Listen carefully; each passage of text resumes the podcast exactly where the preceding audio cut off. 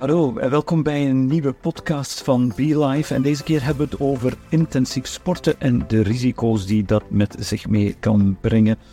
Een podcast waar we al voor de derde keer Dirk van Overstraten mogen uh, verwelkomen. Dirk, welkom. Hallo Jan. En je bent hier met hetzelfde enthousiasme als de eerste twee podcasts. Zoals je me kent, jong, wild en onstuimig, gaan we er sowieso tegenaan. Ja, voor mensen die je niet kennen, laat me zeggen dat jij medisch expert bent bij BeLife. Je bent uh, KPNI-expert en ook docent orthomoleculaire voeding naast zoveel andere activiteiten die je hebt. Dirk, we hebben het uh, over een moeilijk thema. Sport is gezond, dat weet iedereen, maar we gaan ook eens uh, kijken wat als het te wordt. Uh, wat zijn de risico's daarvoor? Maar laten we eerst beginnen met wat is eigenlijk te intensief sporten? En meteen vertel je dan ook wat is wel goed sporten en gezond sporten? Uh, voor veel mensen gaat dat misschien een eye-opener zijn. Topsport is sowieso ongezond. Ik ken weinig hoe contradictorisch het ook uh, klinkt. En ik ben toch al wat jaren met sportbegeleiding ook bezig. Uh, topsport is in wezen ziekmakend. Oké. Okay. Uh, ik zal nu op die thema, het is te kort om dat helemaal uit te leggen waarom, wat, hoe. Maar heel veel topsporters hebben problemen met hun darmen, met hun luchtwegen. Zijn heel ontstekingsgevoelig, dus problemen met het immuunsysteem gewoon omdat overdaad schaadt. Ja, ja, ja. Wat noem jij dan wel gezond? Gezond sporten is in wezen, ik noem het liever bewegen. Uh, de mens heeft het woord sporten uitgevonden. Uh, als je naar de natuurvolkeren gaat, die zitten nooit op hun kont. Die zijn altijd aan het bewegen. Maar die, de, de term sporten kennen die mensen niet. Hè? Dus het is in feite bewegen zoals we altijd bewogen hebben. We zijn jager-verzamelaar. In de huidige maatschappij zitten de mensen in België gemiddeld acht uur van de tijd dat ze wakker zijn, zitten ze op hun kont. Er is niet zo ziekmakend als altijd blijven zitten. Uh, in mijn lessen die ik geef in postgraduaat moeten mijn studenten elk half uur, één minuut intens, 1 tot 2 minuten intensief bewegen. En die zitten s'avonds om 5 uur, zijn die allemaal heel wakker en helder. Als je te lang zit, is ongelooflijk ziekmakend. De 10.000 stappen blijven een klassieker. Sowieso. Uh, zoals ik zei, we zitten veel te veel, dus we bewegen veel te weinig. Dus die 10.000 stappen is al een mooie richtlijn. Um, maar het is beter van, dan elk half uur een korte inspanning te doen. Dan, ah ja, 10.000 stappen, ik ga dat nu in één keer doen, dan ben ik er vanaf voor vandaag. Uh, dat werkt minder goed. Mag, maar is minder goed.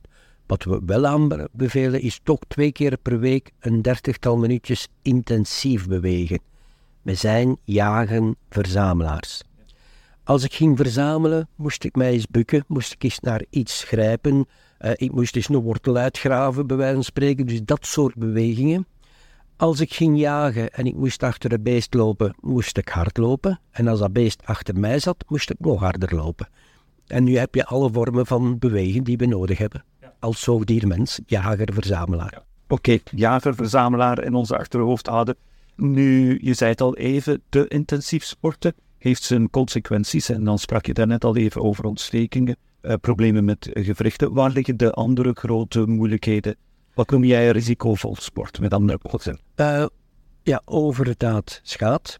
Um, maar je doet een enorme impact. Dus heel veel sporters hebben last van thermoregulatie. Dus het lichaam wordt te heet. Uh, ik zal een voorbeeld geven. Dan zie je soms een wielrenner hè, in de ronde van Frankrijk of, of, of Spanje, maakt niet uit. En die is heel goed aan het rijden en ineens gaat het licht uit. Dan hoor je dikwijls zeggen, ja, hij zal niet voldoende gegeten of gedronken hebben. Je mag gerust zijn, die hebben meer dan genoeg gedronken en gegeten, maar het lichaam wordt te heet. En als vooral de hersenen te heet worden, zeggen die niet meer bewegen, want dat is schadelijk voor mij. Maar ondertussen is ook die darm te heet geworden. En dan noemen we dat een, een endotoxemie. Dus dan krijg je in feite te heet in de darmen. Je krijgt ontwikkeling van een hele hoop toxische stoffen. Die temperatuur die dan ook in de hersenen te hoog wordt. En dat is dat bij iemand ineens het licht uitgaat. Dat zit er meer achter dan ik heb te weinig gegeten en gedronken. Ja, immuniteitsproblemen? Ja, dus uh, als, een, als je zo'n heel intensieve uh, inspanning levert, is stress. Stress automatisch activatie van het immuunsysteem. Eh, stress, in vorige podcast heb ik het al gezegd, stress is een leeuw die achter jou zit. Als er een leeuw achter jou zit, ja, dan gebruik je wel energie, is wel een stressfactor uh, en kan je wel beschadigd geraken. Dus immuunsysteem moet in gang schieten. En daar komt dan ook uit, in fysiologie, heel, dat is heel normaal, stress, leeuw achter jou, dus ik moet fight flighten, ik moet zoveel mogelijk water, natrium, glucose uit die darm krijgen om die fight-flight reactie kunnen aan te zetten. Maar dat wil zeggen, alles staat open. Dan kan er ook alle rotzooi in de bloedbaan komen. Nu is dat kortdurend, die leeuw die achter jou zat, evolutionair 10 seconden, en je wist ik heb het overleefd of ik heb het niet overleefd, dan is er niks aan de hand, want binnen een korte tijd sluit die darm zich terug. Maar als die lang open blijft, komt er al rotzooi binnen in de eh, bloedbaan, maar dat geeft ook dus schade aan het ganse microbioom door die temperatuur, pH-schommelingen en zo verder. Ja, en daar hebben we voor het eerst, eerst het woord uh, microbioom. Wat is het precies en wat is het belang ervan? Zonder ons microbioom, dus zonder al die beestjes in de darm. Het zijn de bacteriën die er... Bacteriën, maar ook virussen. Uh, er zit van alles. Er zit een heel zootje in. maar het gaat over een evenwicht. Uh, zelfs de meest gezonde bacterie, als die in overgrowth gaat, te veel is, die even, wordt die even ziekmakend als een eventueel pathogene bacterie. Dus het gaat altijd over het evenwicht. Je hebt tien keer meer micro-organismen in onze darm zitten dan dat we cellen in ons hele lichaam hebben. En het gaat tot 600 verschillende soorten. En het, het is heel dat samenspel van die virussen, van schimmels. Hè, want mensen zeggen allemaal candida, candida. Nu, helemaal zonder candida ga je er ook aan. Maar te veel aan candida, daar zit ook niet op te wachten. Het gaat weer over dat evenwicht. Het is zo dat de, als we echt eens in de diepte gaan kijken, dat virussen bacteriën moeten controleren. De bacteriën houden de schimmels in toom en de schimmels houden de virussen in toom. Als er een van die drie van de rails gaat, is heel het systeem verstoord. En het is al lang genoeg gekend dat het microbioom onze immuniteit is, maar het doet zoveel meer. Microbiome heeft daar ook zijn impact op de lever, heeft een impact op hormonale uh, zaken, dus heel de, hormonale uh, cyclus van de vrouw, maar bij de man ook, want wij zijn ook.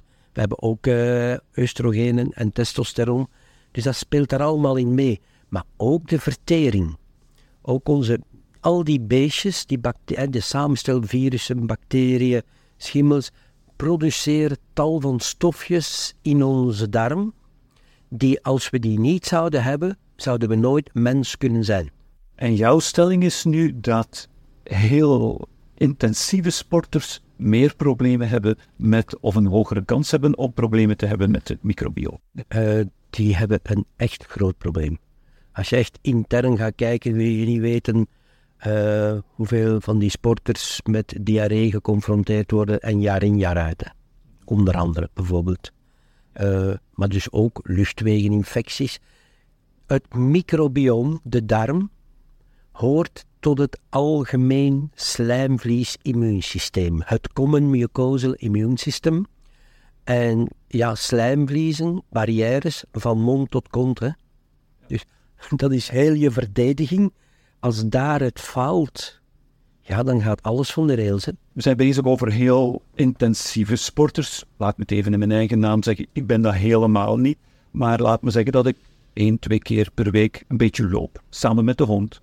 Wat zijn zaken waar ik moet opletten? Bijvoorbeeld qua voeding. Um, ik zou toch ook zeggen, als je dat gaat doen, prachtig maar op een zachte ondergrond. Dat doe ik. Wij zijn geen asfaltvreters. Hè? Uh, en met auto? Nee, niet. Je lichaam, je hersenen begrijpen daar niks van. Oké.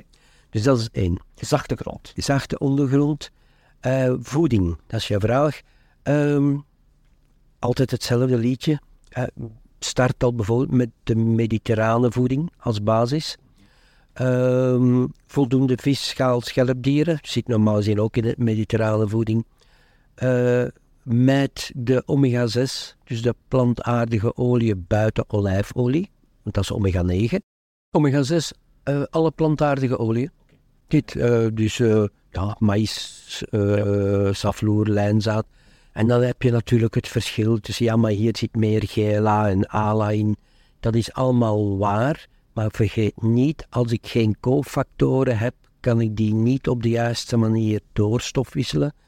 En dan wordt omega-6 momenteel, dus alle margarines, tussen haakjes, wordt de hoofdoorzaak van cardiovasculaire ziektebeelden en van chronische ontsteking.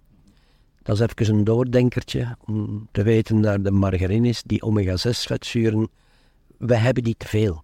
Evolutionair kregen wij omega-3, omega-6 één op één binnen.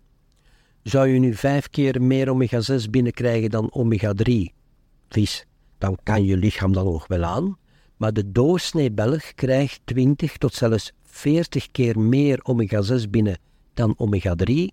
En dan, alhoewel omega-6 een noodzakelijke uh, olie is, een noodzakelijk vetzuur is, wordt in die hoeveelheden wordt omega-6 de hoofdoorzaak van chronische ontsteking en van cardiovasculaire ziektebeelden. Ik vermijd overdreven omega-6. Ik hou me aan een mediter mediterraan dieet. Zijn er nog tips? Nu, als je toch, hè, je hebt ook een drukke baan, je bent altijd bezig, denk aan het eerste podcast die we gedaan hebben. Dat ging over stress en magnesium. En dan denk ik, ik zie al lonken, magnesiumsupplementatie zou misschien wel de plaats kunnen. Het zou een plaats kunnen. Het, je mag natuurlijk niet zeggen van en jij hebt magnesium nodig. Nee, Maar als je naast een drukke baan, eventueel wat stress, eh, ook nog gaat sporten, kan ik maar aanraden een beetje B-vitamines te nemen en magnesium. Waarom die B-vitamines?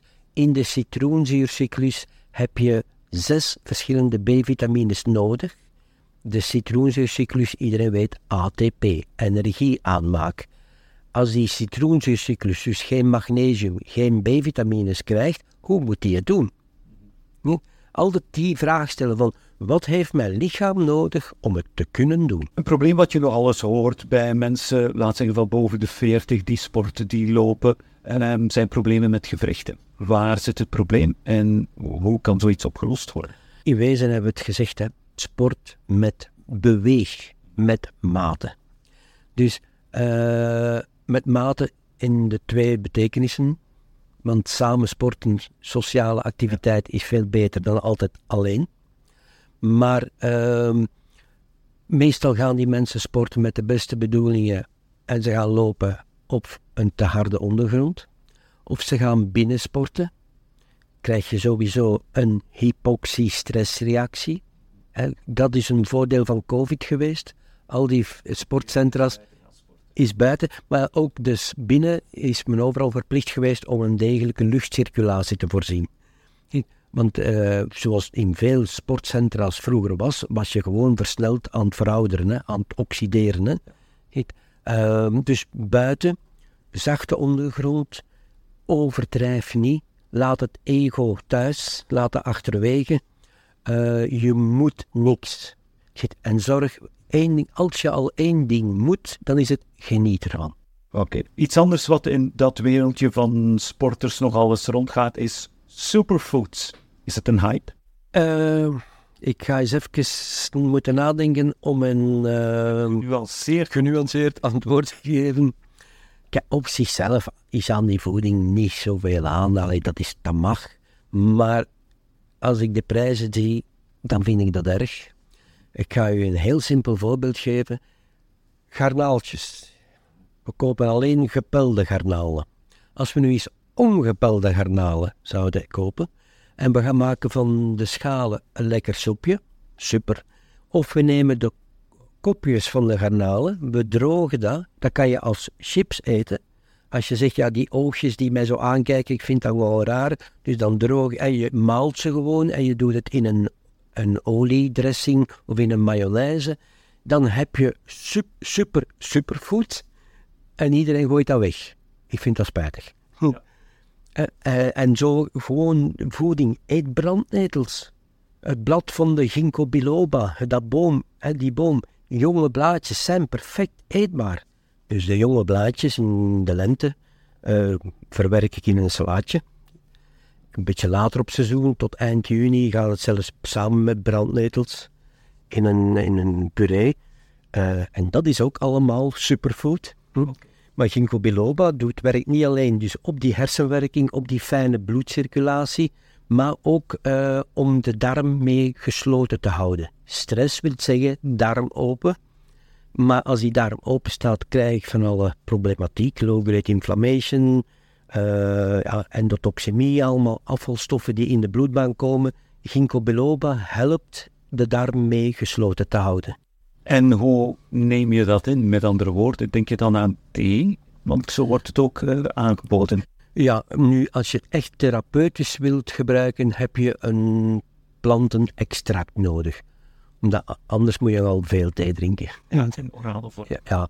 maar dat is een kleine capsule uh, waar dat dus uh, de werkzame stoffen geëxtraheerd en verhoogd in zitten, maar toch ook de ganse plant. Want dat is het belang uh, en dat is het grote verschil. bijvoorbeeld Sint-Janskruid, Prozac. Ja. Prozac is puur de werkzame stof geëxtraheerd, maar je krijgt nevenwerkingen. Sint-Janskruid in zijn totaal geven en de kans op nevenwerking is zo goed als onbestaande. Ja. En dat idee wordt ook dus bij al die plantenconcentraten gebruikt. Ja, met andere woorden, het is niet de moleculen die Nee. je neemt, het is het, het, Het geheel. Ja. planten volledig. Dat is zo belangrijk. eh, en weer is de natuur weet het veel beter als wij. Ja. Je hebt het al, ge- we zijn eigenlijk, we hebben het over eh, supplementen. Laten we eens kijken of dat zinvol is. Laten we vooraf zeggen, die extreme sporters, we weten al lang dat je daar geen fan van bent, die laten we links liggen. Maar de sporter die eens op een zachte ondergrond loopt, die gezond gaat fietsen, is er nood aan supplementen. Kleine correctie toch. Topsport mag, maar dat vraagt echt een specifieke begeleiding. Oké. Ziet, wat- want ik begeleid ook sport. Ja. sporters. Ziet, maar dat is echt individueel en per sporttak dat je dat moet be- bekijken. Hè, eh, want anders, om die gewrichtsklachten, die dingen allemaal te voorkomen. Moeten is het woord niet. Nee. Wat kan ik overwegen? Dus basis, gezonde voeding, gevoel, gezonde rust, eh, ontspan, skin-to-skin contact. Allemaal zaken die meehelpen. En dan naar suppletie toe zou ik zeggen een magnesium, een B, maar een magne- Nee, is B- vitamine B-complex. Zie het, maar een degelijk, totaal niet complex. alleen die vitamine B, een geheel. Ja, dus je hebt verschillende B-vitamines. Je hebt B1, B2, B3, dus thiamine, riboflavine en zo verder. Dus het moet een mooi complex zijn.